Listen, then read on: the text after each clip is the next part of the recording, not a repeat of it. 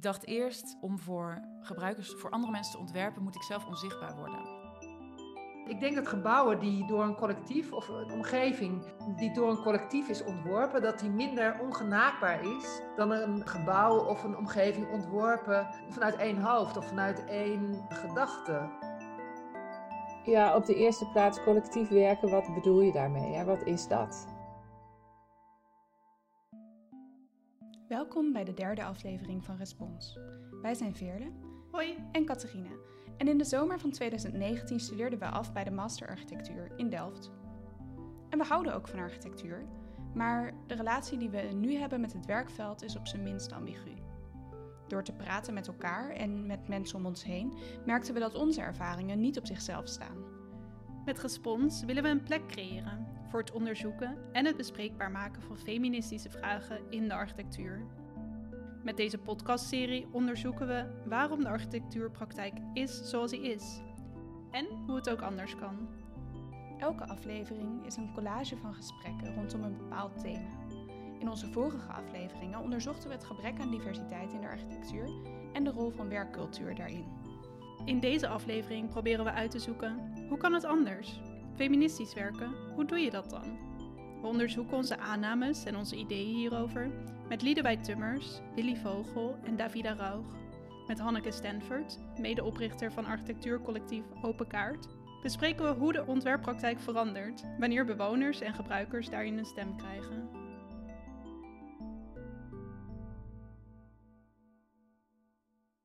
Na twee kritische afleveringen te hebben gemaakt over de cijfers en de oorzaken van de treurige staat van diversiteit in de architectuur, wilden we nu eens een lekker positieve aflevering maken over hoe het dan anders kan. Begin deze maand publiceerde de beroemde Britse kunstprijs, de Turner Prize, de genomineerden voor de shortlist. Allemaal collectieven met maatschappelijke impact. In 2015 werd deze prijs ook al gewonnen door architectuurcollectief Assemble. De toekomst lijkt dus collectief te zijn. Zoiets zei Pauline Bremmer in de vorige aflevering ook al. Je hoorde het al even in de jingle.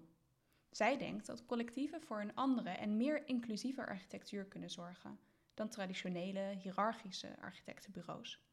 Maar toen we op zoek gingen naar voorbeelden van zo'n manier van werken in Nederland, bleek dat moeilijker dan gedacht.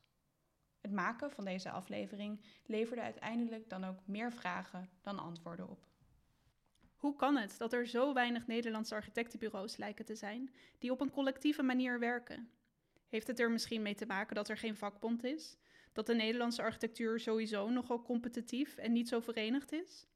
In hoeverre is dit een vraag die gaat over de architectuur? Of is het eigenlijk veel breder toepasbaar en moeten we verder kijken dan onze eigen discipline? En wat maakt collectief werken eigenlijk feministisch? We zijn niet de eerste om ons over dit soort vragen te buigen. Eerdere feministische bewegingen worstelden hier op hun eigen manier ook al mee. Om de relatie tussen feministisch of inclusief en collectief werken te onderzoeken, gaan we te raden bij Liedewij Tummers. We ontmoetten haar vorig jaar bij een avond over het feministische netwerk Vrouwen Bouwen Wonen, dat vooral actief was in de jaren 80 en 90. Liedewij was een van de organisatoren van die avond in het Nieuwe Instituut en was toen en is nu nog steeds betrokken bij het netwerk. Het grappige is natuurlijk dat wij in die tijd heel veel dingen bespraken, zoals uh, ongelijke betaling, slechte werkomstandigheden, uh, lastig om een gezin en je werk te combineren, uh, geen goede kansen op, op de werkvloer, geen grote zichtbaarheid in de beroepspraktijk, publicaties enzovoort. Dat zijn allemaal onderwerpen waar jullie het nu ook over hebben. Liedewij is ingenieur. Ze studeerde bouwkunde in Delft en richtte in 1999 Studio Tussenruimte op.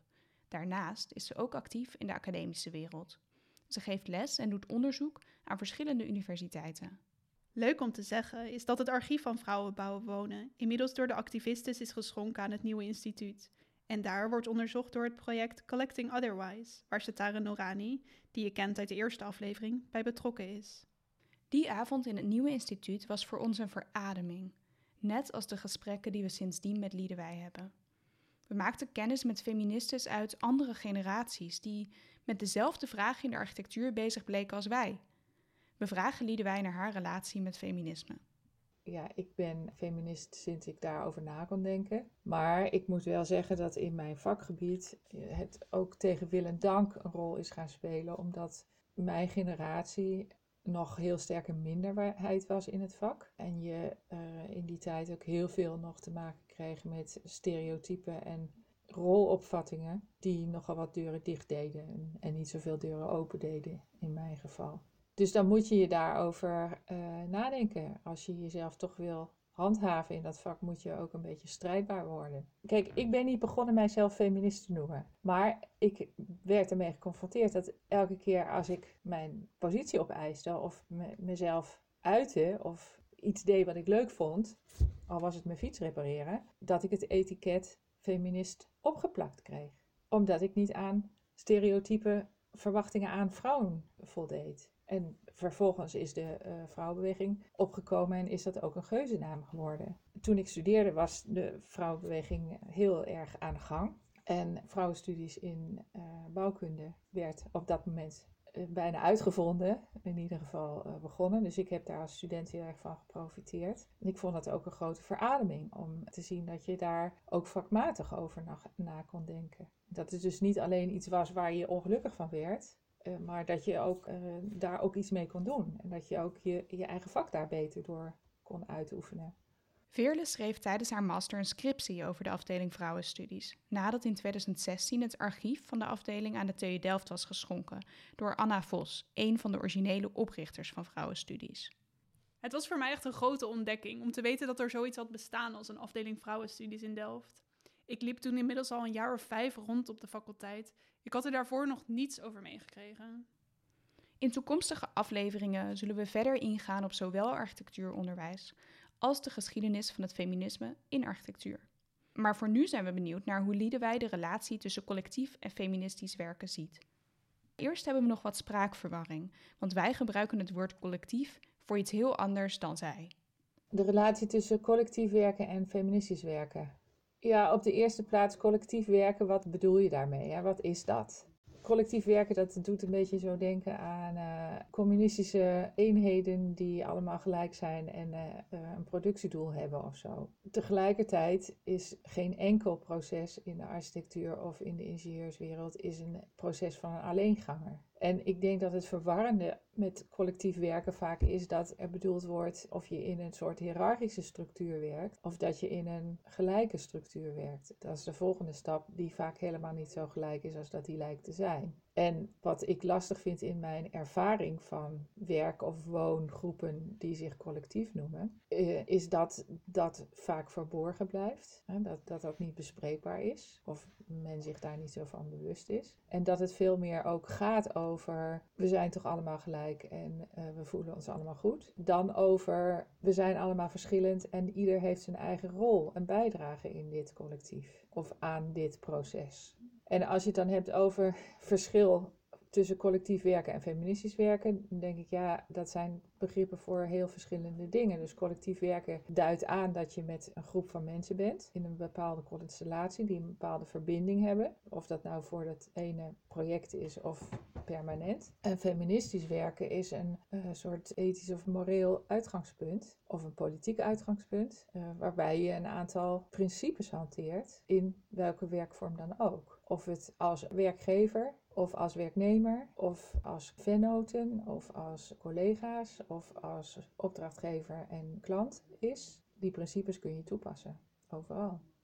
Wat Liedewij hier zegt, doet ons denken aan iets wat Nina Ravenstein in de eerste aflevering zei. Soms onttrekt het idee van een platte werkvloer juist bestaande machtsstructuren aan het oog. Een collectief kan ook pretenderen gelijkwaardig te zijn, terwijl sommigen zich toch moeten conformeren. We vinden het herkenbaar dat Liedewij zegt dat sommige dingen niet altijd even bespreekbaar zijn in groepen die zich collectief noemen. Dat er wordt gedaan alsof iedereen gelijk en blij is, terwijl dat in de praktijk misschien niet zo is. In het jaar dat wij afstudeerden, maakten we met een groep studenten en een docent een plan om gezamenlijk een sauna te bouwen. Het leek ons interessant om met onze gezamenlijke lichamen een gebouw te maken, hoe klein ook. En om te kijken of binnen het bouwen ruimte zou kunnen zijn voor zorg en liefde en improvisatie. En uiteindelijk kwam die sauna er ook. We bouwden hem tijdens een hete zomer op Heiplaat in Rotterdam. Maar het proces was niet zoals we hadden verwacht. Want in plaats van een gelijkwaardig collectief werden sommige stemmen meer gehoord dan andere, werkten veel van ons uit schuldgevoel en bleken veel onderlinge verhoudingen en ontwerpbeslissingen niet goed bespreekbaar. Ik probeerde er zelf niet al te vaak aan terug te denken, want het was een nogal stressvolle periode die nu bijna surreëel aanvoelt. Oh ja, die zomer dat ik ook nog een sauna bouwde. De Amerikaanse feministe Joe Freeman noemt dit de tyranny of structurelessness. Deze activiste, politicoloog en advocaat schreef in 1970 een tekst met dezelfde titel, op basis van haar, haar ervaringen in de tweede feministische golf. Ze schrijft: Contrary to what we would like to believe, there is no such thing as a structureless group. Any group of people, of whatever nature that comes together for any length of time, for any purpose, will inevitably structure itself in some fashion. Het ontkennen van die structuur of het doen alsof die er niet is, zorgt er dus alleen maar voor dat die manier van samenwerking niet bespreekbaar is. En dat zorgt er dan weer voor dat mensen die zich misschien niet prettig voelen bij de samenwerking, om wat voor reden dan ook, misschien niet begrijpen waardoor dat komt. En het bovendien niet kunnen aankaarten. Zoals ik bijvoorbeeld bij de sauna. Om feministisch te werken is alleen zeggen dat iets collectief is, dus niet genoeg. We leren van het gesprek dat we hebben met Liedewij en van de tekst van Joe Freeman dat feministisch werken ook betekent dat de structuren en organisatievormen waarin je werkt bespreekbaar moeten zijn.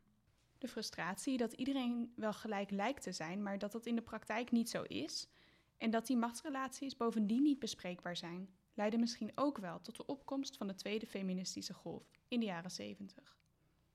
Ik zie de feministische en de vrouwenbeweging ook in die hele ontwikkeling. Die is gevolgd op uh, de democratiseringsbeweging, waarin bleek dat niet iedereen dezelfde positie in de democratie innam. We vragen Liedewij naar haar ervaringen binnen het Vrouwenbouwen Wonen netwerk en de feministische beweging waar ze tijdens haar studie mee in aanraking kwam. We zijn benieuwd hoe die beweging was gestructureerd. Er waren vrouwen met name uit de sociale wetenschappen, dus um, psychologie, sociologie, planologie, die een beweging begonnen onder de titel Vrouwen bouwen wonen. En daar heb ik ook mee samengewerkt. Toen nog als een van de weinige technische vrouwen die ook in die beweging rondliep. Maar de meeste hadden een, inderdaad zo'n sociaal-wetenschappelijke achtergrond. En daar hebben we samen uh, geprobeerd heel veel onderwerpen op de agenda te zetten. En ook oplossingen voor aan te dragen. Dus als je het hebt over werkvormen bijvoorbeeld, je zou kunnen zeggen dat wij in vrouwenbouw wonen, beetje bewust, beetje onbewust, een soort feministische werkvorm hadden. Het was enorm spontaan, met heel veel respect en herkenning voor ieders inbreng. Ook veel zorg voor elkaar en elkaars welzijn. Maar natuurlijk ook de nodige lastige omgang met conflicten en verschillen van mening. En de nodige niet zo uitgesproken machtsrelaties. Maar daar waren we over het algemeen had dat niet de overhand. We waren daar niet zo mee bezig. Op een gegeven moment kreeg dat wel de overhand. Dat is een periode later, toen iedereen heel erg onder druk stond van bezuinigingen en neoliberalisme. En toen verscherpte zich dat wel, want toen ging het ook echt over wie kan zich handhaven. Maar zeker in het begin waren we heel erg bezig de wereld uit te vinden en voor de rest hadden we niet zoveel tijd of geduld. Die discussie over werkvormen werd dus volgens Liedewij veel urgenter toen het onder druk van het neoliberalisme moeilijker werd om jezelf te organiseren. Ja, en toen was er al een proces achter de rug en ontwikkeling. In eerste instantie kom je allemaal bij elkaar als activisten, vrijwillig, onafhankelijk, spontaan. En je, je werkt samen aan iets. Niemand krijgt daar geld voor. Er is nauwelijks budget om mee te werken. En dat was natuurlijk op, voor bepaalde dingen wel nodig. Het is ook voor bepaalde dingen toen beschikbaar gesteld. Onder andere omdat er toen een minister van uh, Emancipatiezaken was. Dus die hadden ook een budget. En dat is ook gedeeltelijk naar vrouwenbouwen wonen gegaan. Maar tegelijkertijd zou je, een, van de interessante dingen om te onderzoeken in het archief nu, zou kunnen zijn, je zou ook kunnen zeggen, ja, maar wie heeft er tijd voor activisme? Dat zijn natuurlijk wel mensen die of heel weinig nodig hebben, zoals ik in mijn studententijd op dat. Ik had geen kinderen die afhankelijk zijn van me, enzovoort, enzovoort. Of mensen die inderdaad in een comfortabele baan zitten, waar ze al dan niet in de basis tijd, maar een beetje aandacht kunnen hebben voor dit soort dingen. En dus hoeveel mensen er echt, heel veel mensen hebben heel veel inzet gehad bovenop al het best van hun leven wat ze ook nog hadden. Maar hoeveel mensen daar ook gewoon niet in staat waren om mee te doen aan zoiets, dat kan je je ook natuurlijk wel afvragen. Wie heeft er tijd voor activisme? Wie heeft er tijd voor het maken van een podcast? Deze vragen waren al relevant voordat het neoliberalisme meer druk zette op het samenwerken van vrouwen bouwen wonen. Wie is in staat om spontaan samen te werken en wie niet? Wij merken dat zelf ook. We grappen wel eens dat we respons naast onze voltijdbanen maken. Dat is ook zo. Maar blijkbaar hebben we wel voldoende energie en ruimte in ons hoofd om deze vragen te stellen, die misschien wanneer je zelf in de praktijk werkt gevoeliger liggen. En daarna, toen kwam er budget, toen kwamen er projecten, toen werden mensen ook betaald voor uh, bepaalde activiteiten. En dan krijg je de volgende vraag van, oké, we hebben een bureau, we hebben, uh, we hebben adviseurs, we hebben een redacteur, we hebben een uitgave, we hebben een secretaresse, we hebben een schoonmaker. Krijgt nu iedereen hetzelfde geld of niet? Hoe waardeer je wat ieders inbreng in dit geheel, deze organisatie, noem het collectief, is? En uiteindelijk, als ook dat geld schaars wordt, dan verscherpen die discussies verscherpen zich dus wel. Maar ook de opvattingen daarover waren ook gewoon heel verschillend. Als het gaat over feministisch en gezamenlijk werken, gaat het volgens Liedewij dus over hoe je iedereen's inbreng überhaupt waardeert. En over hoe je eigenlijk samenwerkt. Toen we begonnen met nadenken over collectief werken, moesten we gelijk aan Willy denken. Een vriendin van ons die vorig jaar samen met twee andere architectuurstudenten met een gezamenlijk project is afgestudeerd. Vrij ongebruikelijk bij de Master Architectuur in Delft. We zijn benieuwd hoe in hun project ieders rol werd georganiseerd en hoe ieders bijdrage werd gewaardeerd. Eerst vragen we haar of ze hun collectief feministisch zou noemen.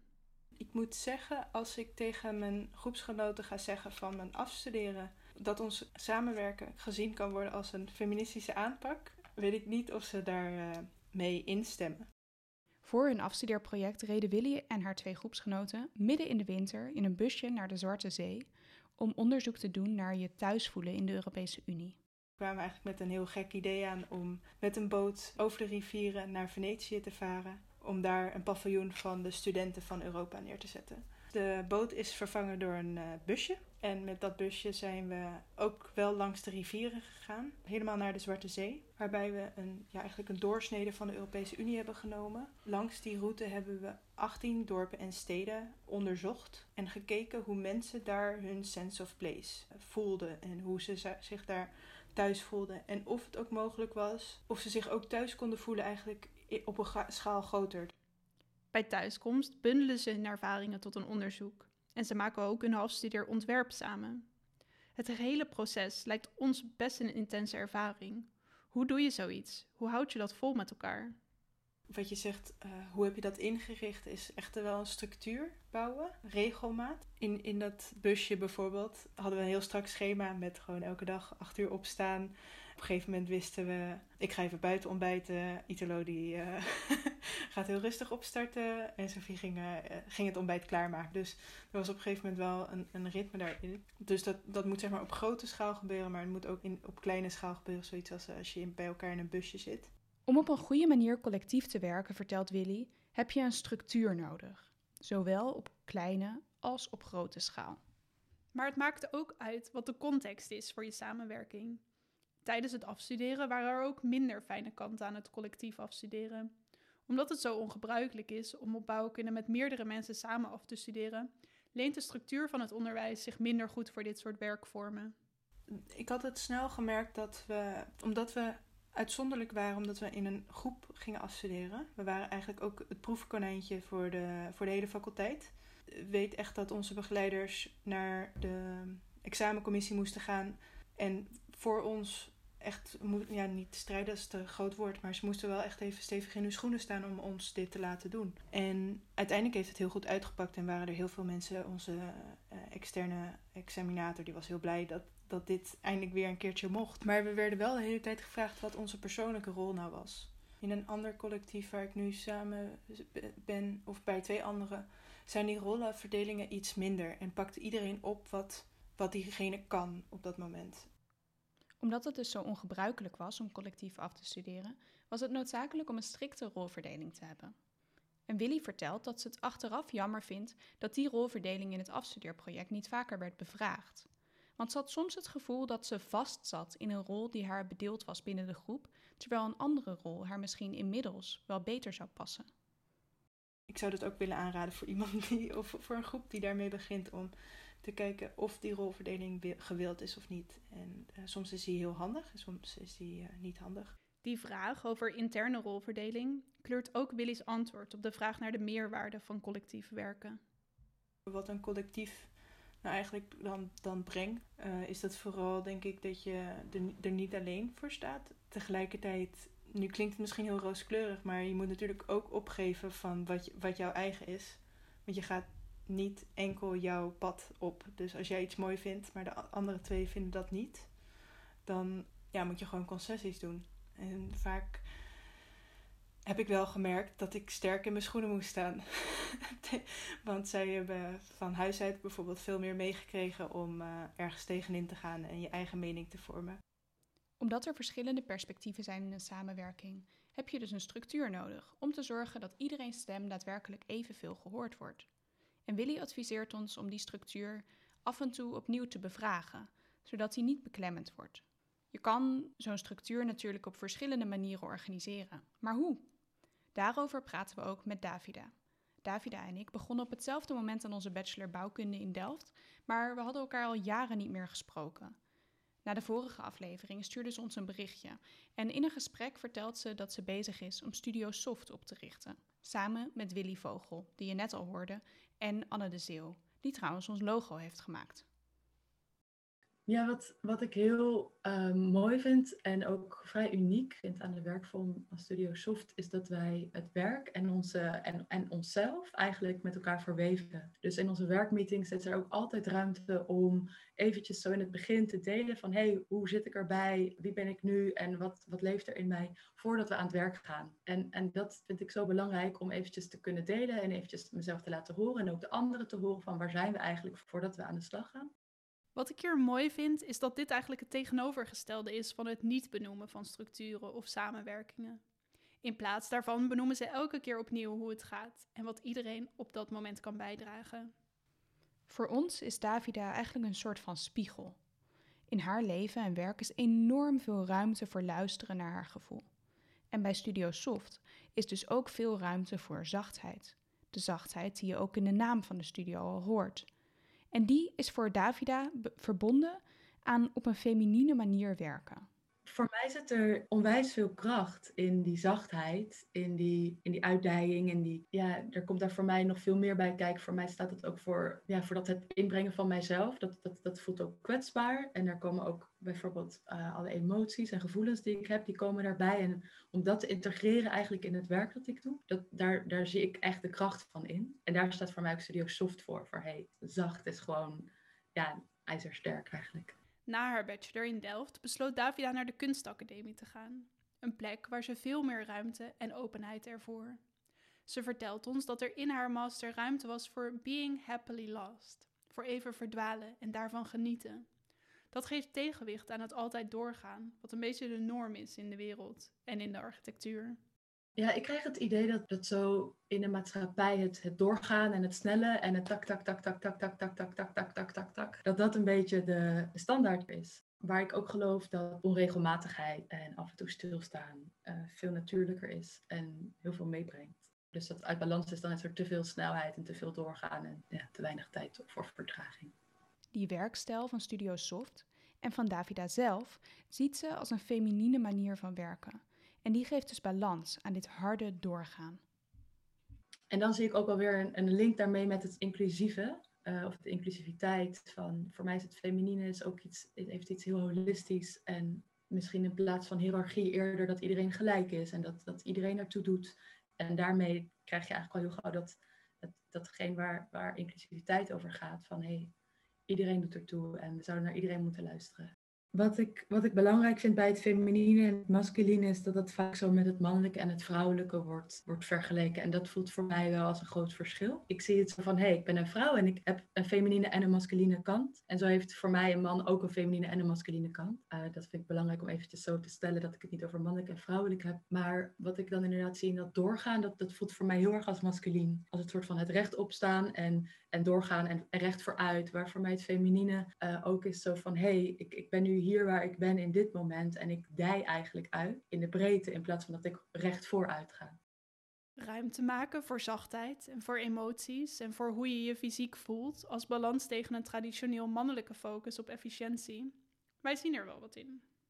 Wat wij er ook mooi aan vinden is dat het meenemen van een andere manier van werken, die meer ruimte geeft aan lichamelijkheid en aan het erkennen van wat je op een bepaald moment kan en wil, niet alleen voor vrouwen fijn is, maar voor iedereen die een lichaam heeft. Voor iedereen dus. Maar specifiek voor al diegenen voor wie het moeilijker is om hun lichaam thuis te laten en een hoofd op wieltjes te zijn. Bijvoorbeeld omdat je omgeving je, je huidskleur of achtergrond niet laat vergeten, of omdat je ongesteld bent, of omdat je niet zo mobiel bent, of omdat je hoofd anders werkt. Wat wij bewonderen aan Davida's manier van werken, is dat ze durft te vertrouwen op haar gevoel. Ze laat dingen los en vertrouwt op het toeval. Die openheid speelde ook een belangrijke rol in haar afstudeerproject. Ja, mijn afstudeerproject begon eigenlijk in de staat van het Being Happily Lost. En die ging uit naar het ambacht van weven. Dus op de kunstacademie hebben we een hele grote textielwerkplaats. En daar mocht ik op een weefgetouw leren weven. En ja, ik ben altijd geïnteresseerd in bewegingen. En zo keek ik eigenlijk naar de bewegingen van het weefgetouw. En zo in de loop van, het, van mijn afstudeerproject begon eigenlijk de coronacrisis. En terwijl ik dus daar in mijn kamer in het centrum van Utrecht, waar ik woonde, zat, realiseerde ik me dat ik eigenlijk helemaal niemand van mijn uh, omgeving kende. Als in, ik kende eigenlijk bijna geen buren. Dat bracht me op het idee van, hé, hey, ik zou eigenlijk dat, die bewegingen van het weefgetouw, of het concept van het weven, wil ik eigenlijk naar de stedelijke schaal brengen de straat waar ik in woon om een soort groot weefgetouw op te zetten om mezelf met mijn buren te verweven en zo eigenlijk sociale verweving tot stand te brengen. Ja, dus dat resulteerde in de dag van de verweving. En waar ik, waar ik dan een uh, gelijkenis in zie, is het, het weven en het ambacht van weven is zo altijd een vrouwelijk, vrouwelijke ambacht geweest, die ook altijd mensen samen heeft gebracht. Omdat weven, ja, je hebt verschillende vormen van weven, maar eigenlijk gaat weven of het opzetten van de weefgetouw kun je nooit alleen doen. En zo brengt het altijd mensen samen. En ja, ik denk dat mijn afstudeerproject ook wel een pleidooi was om thema's als toeval en misschien ook intuïtie en beweging te integreren in het vak van architectuur of placemaking. Ik, ik vind ook niet dat, het, dat alles volledig los moet zijn, hè? maar om dingen losser te laten, ik denk dat, dat daar heel veel kracht in zit.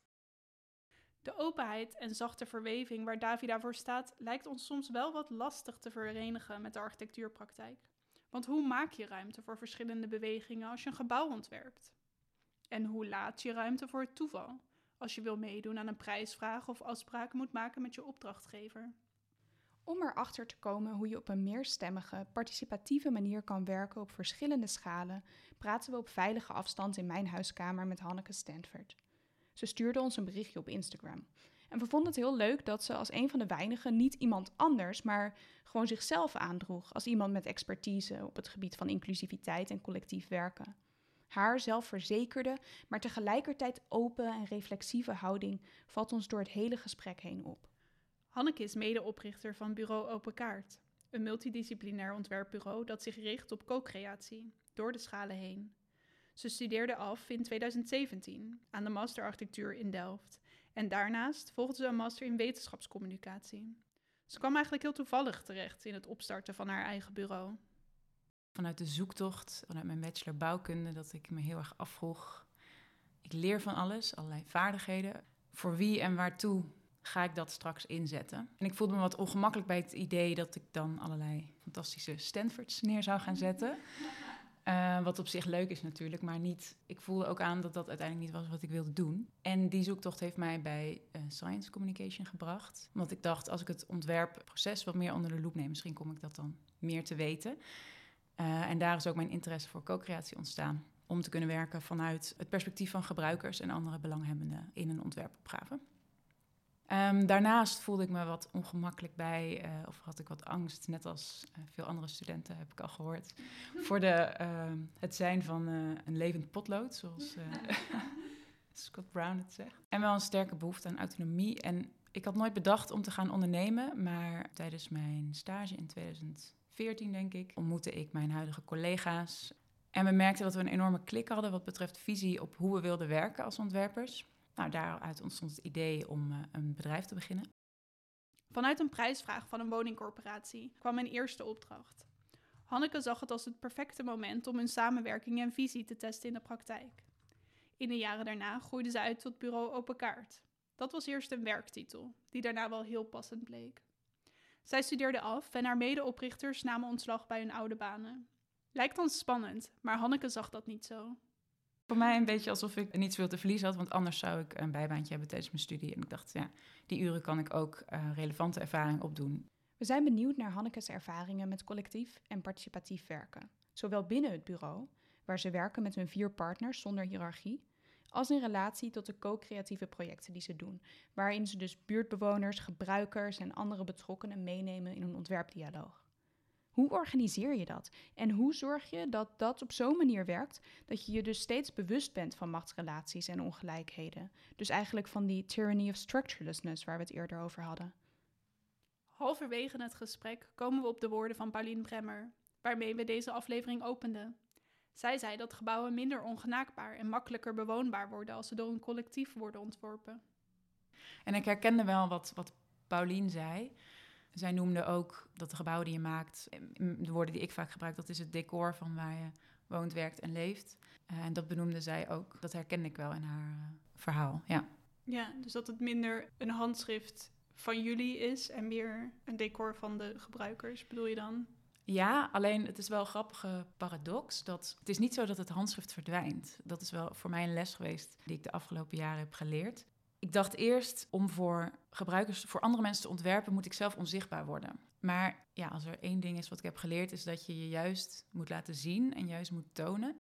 Hanneke maakt hier een interessante nuance. Waar ze eerst, net als wij, dacht dat ze zichzelf op de achtergrond zou moeten plaatsen om andere stemmen ruimte te geven, denkt ze nu dat je jezelf niet onzichtbaar kan maken en dat je daarom maar beter expliciet kan zijn over de aannames die je met je meebrengt. Omdat, ja, om twee dingen. Omdat je dan alles wat impliciet is, aannames, ideeën en dergelijke, expliciet moet maken, waardoor je ze kunt laten toetsen. Uh, waardoor je een beter ontwerp krijgt, want je kunt checken of je aannames ook kloppen. Waardoor je, denk ik ook, dat is denk ik ook de link met uh, inclusief werken, waardoor je ook jezelf dwingt om bewust te worden van je aannames, soms ook vooroordelen over de doelgroep waarvoor je ontwerpt. En je die dus ook kunt laten bijstellen als het nodig is. En ten tweede, omdat alleen als je beide je kennis inbrengt, er iets nieuws kan ontstaan. Dus als je alleen luistert en daar niet je eigen inbreng tegenover zet, dan heb je geen dan kan er geen synergie ontstaan. Ja, en juist als je dat allebei doet, kan er iets nieuws ontstaan en kun je met elkaars expertise of perspectief uh, op zoek gaan naar, naar welke waarden vinden we belangrijk, wat vinden we eigenlijk dat kwaliteit is en hoe kun je dat vertalen. En ja, daarmee word je juist heel zichtbaar omdat je ja, je echt als ontwerper of als professional juist je vakkennis inbrengt en je ideeën en je suggesties, omdat dat het gesprek verder helpt. Om collectief te werken moet je dus eerst weten waar je zelf staat. Wij noemen dat vaak gesitueerd werken, in navolging van feministische filosofen als de Amerikaanse denker Donna Haraway. Juist door je bewust te zijn van je eigen positie kan je je aannames bespreekbaar maken, in plaats van ze onbewust de situatie te laten beïnvloeden. Dat expliciet maken, dat werkt zowel in de interne samenwerking van bureau Open Kaart als in hun projecten. Voor Hanneke was het ook een persoonlijke zoektocht om zichzelf niet te proberen op de achtergrond te plaatsen, maar om juist zichtbaar te worden. Ik voelde me wat ongemakkelijk bij misschien heel erg zichtbaar zijn. Dus van, kijk eens, dit, dit is mijn ontwerp en ik vind dat dit, in de, dit realiteit moet worden in de wereld. Dat vond ik nogal bold. Dacht, je, op basis van wat ga ik dat ooit kunnen zeggen? Ben ik dan wel een ontwerper? Dat heeft mijn hele studie eigenlijk wel een rol gespeeld. Van, ben ik wel een ontwerper? Of ben ik misschien meer een onderzoeker omdat ik te beschouwend ben of te voorzichtig of te onderzoekend? Ik heb uiteindelijk toch voor gekozen om als ontwerper aan de slag te gaan. En dat een kans te geven. En ja, met de jaren groeit natuurlijk je ervaring en ook wel het vertrouwen van ik kan uh, prima meedoen in deze wereld van ontwerpers. En doordat ik een eigen bedrijf heb met mijn drie collega's, is er heel veel ruimte om dat op zo'n manier vorm te geven als wij dat zouden willen. Dus ik kijk veel minder naar shit, wat zou een architect allemaal moeten wat voor een architect wil ik zijn en wat heb ik te bieden? Uh, waar ben ik goed in? En ja, wat voor opdrachten horen daar dan bij? En wat voor een, vanuit wat voor waarde, wat voor ja, opdrachtgevers wil je dan werken? En ja, ik ben best wel. Um, ja, ik voel me ook wel dankbaar dat dat gelukt is. Dus dat het lukt om daar nu ook geld mee te verdienen en gewoon van te leven. Wat betreft dat meer eh, zichtbaar worden, waren bepaalde dingen daar wel heel belangrijk in. Ik herinner bijvoorbeeld dat ik een keer bij een uh, wetenschappelijke conferentie was, Participatory Design Conference. En daar werd heel erg onder de loep genomen van ja, in hoeverre kun je de ander representeren als participatory designer. En daar was een belangrijke conclusie eigenlijk van elke interpretatie is een creatieve daad. Dus je kunt wel pretenderen dat je niet zichtbaar bent, maar dat is gewoon niet zo. En dat zette mij wel heel erg aan het denken. Ik dacht van ja, dan kun je er maar beter expliciet over zijn.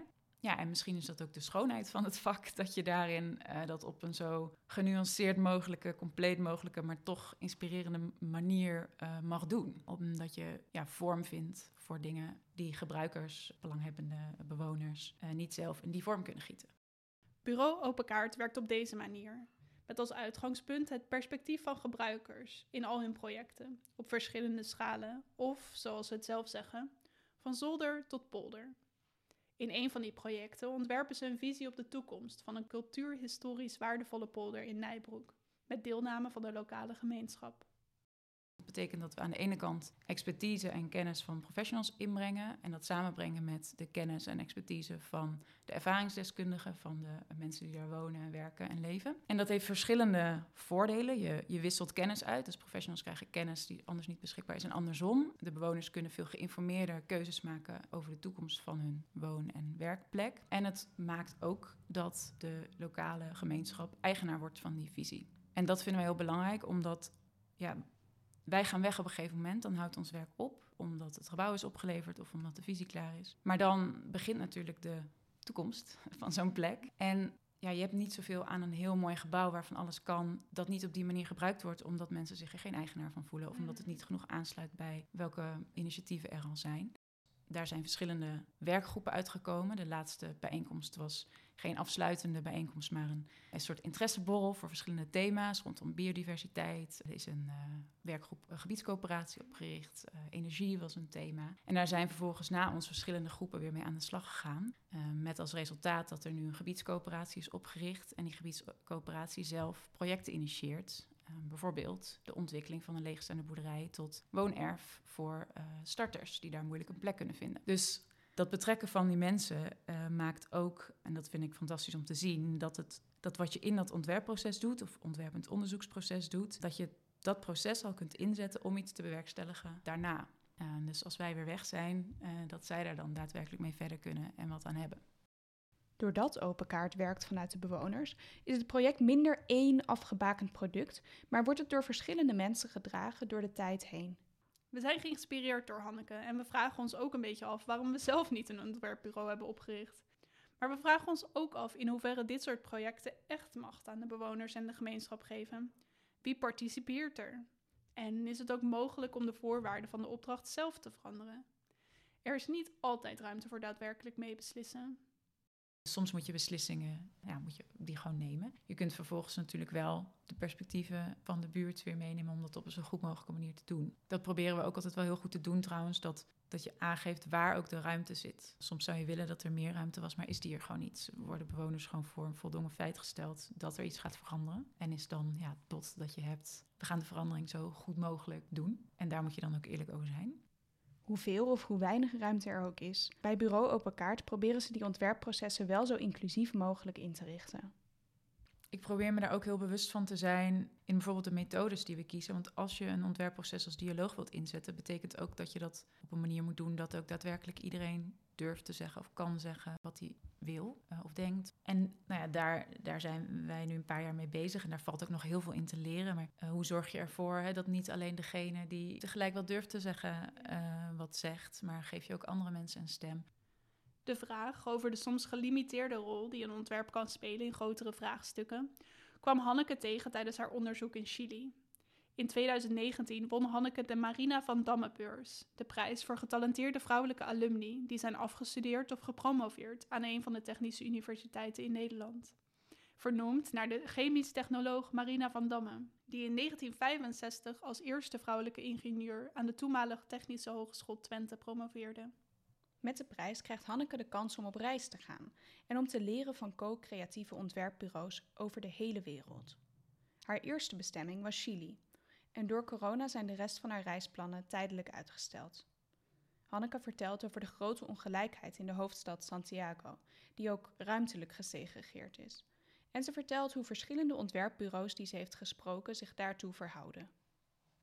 Dat zag je bijvoorbeeld heel erg in eh, de hoofdstad Santiago, waarbij ja, je verschillende deelgemeentes hebt, eh, waarvan uh, sommige enorm rijk en sommige extreem arm. Dus ongelijkheid is heel groot. En ja, de bureaus die ik heb bezocht proberen daar allemaal op hun eigen manier iets aan bij te dragen, aan het verminderen van de ongelijkheid. Lukt dat? Ja en nee. Je ziet dat de plekken waar het lukt om op een andere manier te werken, bijvoorbeeld op de manier waarop Elementaal werkt, dus dat je een half goed huis krijgt in plaats van een uh, heel uh, huis van matige kwaliteit, daar zie je wel de meerwaarde. Je ziet dat mensen in een aantal jaar gewoon een twee keer zo groot huis kunnen hebben, omdat die ruimte er binnen dat ontwerp in is. En door de middelen op die manier in te zetten, kunnen ze soms ook op de plek blijven waar hun sloppenwijk al stond. Uh, dus hoeven niet allerlei sociale structuren doorbroken te worden. Kunnen ze gewoon naar het werk blijven gaan waar ze al uh, naartoe gingen. Alleen dat zijn wel een bepaalde optimalisaties van dat systeem. En om echt iets aan die ongelijkheid te doen, heb je ook wel een grotere verandering nodig, die ook het systeem zelf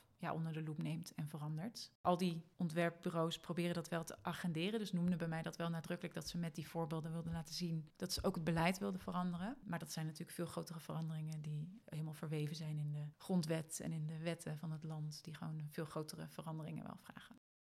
Welke rol speelt architectuur in structurele ongelijkheid? Bevestigt een gebouw die alleen maar? Of is kritische architectuur die iets verandert ook mogelijk? De manier van werken van Hanneke en van Bureau Open Kaart plaatsen hen in een traditie van democratisering, waar we het eerder ook al even over hadden met Liedewij. Nou, ik vind het uh, heel leuk om, om niet alleen in de praktijk met dit bezig te zijn, maar ook daar af en toe echt op te reflecteren. Om ook heel bewust te zijn van wat we doen. Die rol heb ik ook een beetje binnen ons bureau. En vanuit die rol probeer ik ook wel te zoeken naar de netwerken die op op deze manier, ja, waaraan wij ons kunnen voeden of scherpen, zeg maar. En je hebt wel wereldwijd een best wel groot participatory design netwerk. Dat is niet per se alleen gericht op architectuur. Dat is inmiddels veel breder. En dat komt een beetje voort allemaal uit de jaren 60 en 70. Toen is, zijn er op verschillende plekken in de wereld is deze manier van werken eigenlijk ontstaan. In Europa, in Scandinavië is het ook begonnen. Maar ook in Noord-Amerika en ook in Zuid-Amerika vanuit een heel activistische achtergrond. Dus ik merk dat zijn ook eigenlijk een beetje de plekken uh, waar je nu nog steeds dat soort praktijken ziet. En ja, bijvoorbeeld ook wetenschappers vindt die zich daarmee bezighouden of zo. Dus ik merk dat ik telkens wel een beetje naar die plekken weer, ja, die plekken terecht kom. We vragen Hanneke of ze zou willen dat de architectuur meer participatief en co-creatief zou werken, als geheel. Nou, wat je, wat je ziet is dat het voor sommige opgaven gewoon noodzakelijker is. Kijk, wij werken ook wel voor particulieren, maar daar is onze manier van werken eh, wijkt niet zoveel af van dat een andere architect dat ook zou doen. Want dan is de gebruiker is de opdrachtgever en daar zit je mee om de keukentafel en dat probeer je zo goed mogelijk te doen. Dus ja, de meerwaarde van onze manier van werken komt beter tot uiting uh, als het gaat om een uh, woongroep die met tien families iets willen doen of zo. Dus ik denk, ja, wij hebben ook wel een aantal verkennend, soort van aantal gebieden ontdekt waarvan we kunnen zeggen, hé, hey, daar is onze manier van werken van meerwaarde. En je ziet dat, dat we daar dus ook meer proberen te, ja, te zoeken naar opdrachten in die context of die meer, ons daar meer in profileren. Dus als antwoord op je vraag, ik, het is niet voor alle opgaven noodzakelijk, denk ik. Nou, misschien moet ik dat iets nuanceren. Ik denk wel dat het voor alle opgaven nuttig is om het perspectief van de uiteindelijke gebruikers en de verschillende belanghebbenden mee te nemen. Het is niet per se voor alle opgaven noodzakelijk om dat van maximaal co-creatief te doen. Co-creatie is dus niet altijd de meest passende manier van werken. Sommige problemen vragen om een meer structurele aanpak. Maar het kan wel door de schade heen, bij grote en bij kleine projecten. En in alle vormen geldt door openheid te organiseren geven de projecten van Bureau Open Kaart meer ruimte aan de stemmen van bewoners en gebruikers dan dat veel andere architectuurprojecten doen. Wanneer je ontwerpen gaat zien als iets waar meer stemmen voor nodig zijn dan alleen die van de architect, dan verander je ook de rol van de architect. In plaats van een eenzame auteur gaat hij naar een meer faciliterende rol. Het organiseren van die meerstemmigheid, wij zouden dat wel feministisch noemen. We vragen hoe Hanneke zich eigenlijk verhoudt tot die term. Ja, waar ik merk dat ik dan misschien een beetje voorzichtig ben, is dat kun je van jezelf zeggen hoe inclusief je bent. Omdat het gaat om dingen waar je niet bewust van bent. En ik weet zeker dat er allerlei dingen zijn waar ik mij niet bewust van ben. Dus dat is misschien een beetje een bescheiden antwoord wat dat betreft. En tegelijkertijd durf ik wel te zeggen, ja, ik vind het belangrijk. En ja, Um, wij streven ernaar, ik streef ernaar in mijn werk dat zo goed mogelijk te doen. En je probeert een organisatie te bouwen waar, en projecten zo in te richten dat, je, dat het aan het licht komt als het niet zo is. Dus dat je bevraagbaar bent. Maar natuurlijk lukt het heel vaak ook niet. En er zijn ook doelgroepen die we niet bereiken. En zitten wij ook met dat de gepensioneerde witte man het meest participeert in processen als je ze vrijwillig laat aanmelden. Dus ja, er zit nog wel een wereld tussen het streven en de realiteit. Hanneke zou zichzelf dus niet zo snel feministisch noemen.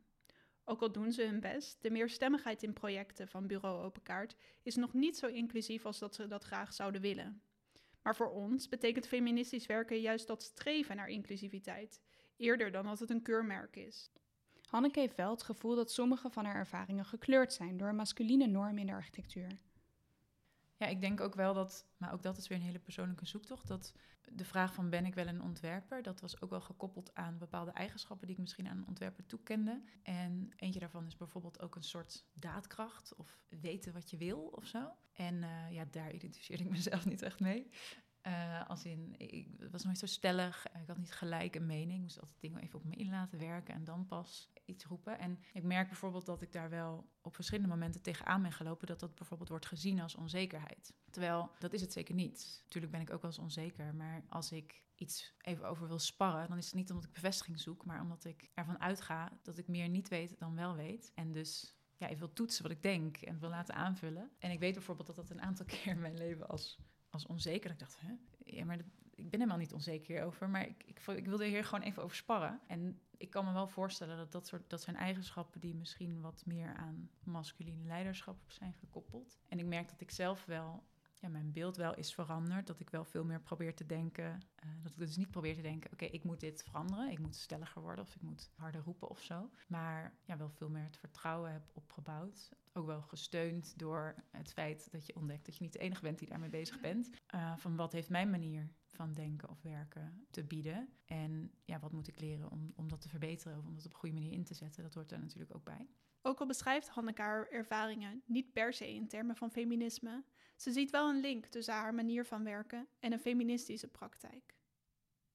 De link die ik met feministische architectuur zie, is inderdaad het expliciet maken, zoveel mogelijk expliciet maken van je ontwerpproces en daarin je aannames en je voordelen en dergelijke. En dat geldt voor ons Zowel intern, dus hoe we als collectief samenwerken met z'n vieren. En in onze richting de gebruikers of stakeholders waar we mee werken. En ja, dat is wel een manier van werken ja, die ik heel erg op waarde schat. En uh, waarvan ik ook hoop dat we die verder kunnen. Ook als je groeit, dat je die verder kunt formaliseren. Uh, Nu zit het ook heel vaak natuurlijk in informele afstemming enzovoort. Maar dat je ook een organisatie weet te bouwen die die mechanismen ook gewoon in ja, werkprocessen heeft verwerkt. Nu bureau Open Kaart aan het groeien is, zijn ze op zoek naar manieren om de interne gelijkwaardigheid te behouden, maar toch te kunnen uitbreiden. Hanneke ziet wel mogelijkheden om op meer plekken in de architectuur minder hiërarchisch en meer op een collectieve, meer stemmige en expliciete manier samen te werken. Ik denk dat de architectuur er wel heel erg geschikt voor is. Je werkt op projectbasis, dus je kunt heel goed telkens verschillende teams vormen. Ja, dus het vakgebied is er denk ik heel goed geschikt voor. Ik kan niet helemaal overzien of ik nou vind dat, dat iedereen dat zou moeten doen. Wat ik wel denk, is dat ons vakgebied er wel bij gebaat is als we ontwerpprocessen minder individueel maken. Daarmee worden ze ook minder persoonlijk. Dus wordt het minder persoonlijke kritiek als iets niet goed is of iemand anders er iets van vindt. En ja, dat je daarmee ook jouw gedachten, ideeën, aannames expliciet moet maken, waardoor je ze kunt toetsen. Ik denk dat dat wel een heel goed idee zou zijn om dat uh, breder te doen. En ja, veel bureaus zullen al zo werken. Maar ik weet dat er ook bureaus zijn die, waar het nog heel erg werkt vanuit het idee van één hoofd, wat de rest uitwerkt. Volgens Hanneke is de architectuurpraktijk heel geschikt voor op een meerstemmige, collectieve manier werken. En zou het vakgebied ook goed doen om meer samen te werken met bewoners en gebruikers. Als je collectief werken echt serieus neemt, denken wij, gaat het er dus niet alleen over hoe je je bureau intern organiseert, en dat je je bewust bent van ieder zijn rol en positie binnen het proces. Maar het gaat juist ook over een open of democratische manier van werken, waarin je bewoners en gebruikers, dus niet architecten, ook betrekt. Waar de architect ervaring heeft met het ontwerpen van plekken en van processen, zijn die gebruikers namelijk expert op waar het uiteindelijk om draait: hun eigen leefomgeving. Voor ons is dat ook de link tussen collectief en feministisch werken. Als je een inclusieve wereld wilt ontwerpen of een niet-seksistische stad, dan zullen we al die verschillende stemmen en expertises moeten waarderen en een structuur vinden waarin al die stemmen gehoord kunnen worden. In ons gesprek met Liedewij vatte zij het zo samen. Waar het om gaat is ook als je als stedenbouwkundige bij een gemeente of als hoofd van een ontwerpbureau, van welke schaal dan ook, een ontwerpbeslissing neemt, dat je dan je bewust bent van je eigen stereotypen en niet alleen maar een leuke boulevard voor de welgestelde middenklasse met veel vrije tijd ontwerpt, maar er ook aan denkt van hoe toegankelijk is die voor mensen die met mobiliteitsbeperkingen of hè, de oudere mensen die slechter zien, slechter horen. En wat hebben die daar eigenlijk aan? En vooral ook wat hebben mensen met minder geld daar te zoeken? Dus dan hoeven al die mensen niet bij jou direct op de stoep te staan. Maar je moet wel weten dat ze allemaal in de stad wonen en allemaal een aandeel hebben aan het tot stand komen van de publieke ruimte. Dus het collectief is niet altijd lijfelijk aanwezig in die zin. Hoe ontwerp je een meerstemmige stad? Of meerstemmig beleid? Of een gelijkwaardige wereld? Misschien vereist dat inderdaad niet altijd de lijfelijke aanwezigheid van het hele collectief. Maar het heeft wel, denken wij, een soort van openheid nodig. Een responsiviteit en de mogelijkheid om je te verplaatsen in de positie van de ander. Grappig genoeg is dat ook waar onze naam vandaan komt. Die trouwens is bedacht door iemand die je eerder deze aflevering ontmoette, namelijk door Willy. En dit is dan misschien ook wel waar we de architectuur graag toe zouden willen oproepen. Responsiever zijn, beter luisteren naar de omgeving en naar wat iedereen in die omgeving nodig heeft, en daar reacties op ontwerpen. En, zoals we van Hanneke leerden, betekent dat niet dat je jezelf onzichtbaar hoeft te maken, maar juist dat je je aannames blijft bevragen en expliciet blijft maken. Maar waarom gebeurt dat dan zo weinig? Zou het kunnen dat, net zoals de structuur van het onderwijs aan de TU Delft het moeilijk maakt om collectief af te studeren, de huidige economie, cultuur en beleid het voor architectenbureaus ook moeilijk maken om inclusiever en meerstemmiger te werken? Dat hopen we uit te zoeken in de volgende afleveringen. Wil je hierover meepraten of heb je andere ideeën? Schroom dan niet om ons een berichtje te sturen. Dat kan via Instagram, waar we te vinden zijn als re.spons of via responspodcast.gmail.com. Dank jullie wel voor het luisteren naar de derde aflevering van Respons. Respons is gemaakt door ons, Catharine Koekoek en Veerle Alkemade. We zijn heel dankbaar voor de hulp van Sebastiaan van der Pol voor het lenen van de microfoons, Elie Dorsman voor de jingle, Anne de Zeeuw voor het logo en Liedewij Tummers, Billy Vogel, Davide Rauch en Hanneke Stanford voor hun wijsheid en de gesprekken. En dankjewel aan al die mensen die in de loop van de tijd hebben bijgedragen aan dit project. Respons is onderdeel van het Archinet Lab. Om het architectuurklimaat te bevorderen, ondersteunt Archinet met regelmaat onafhankelijke en experimentele projecten, zoals wij, in de vorm van tijd en kennis. Op archinet.nl kun je de afleveringen vinden en terugluisteren. En daar lees je ook meer over het maakproces. Respons wordt mede mogelijk gemaakt met financiële steun van de Fleur Groenendijk Foundation.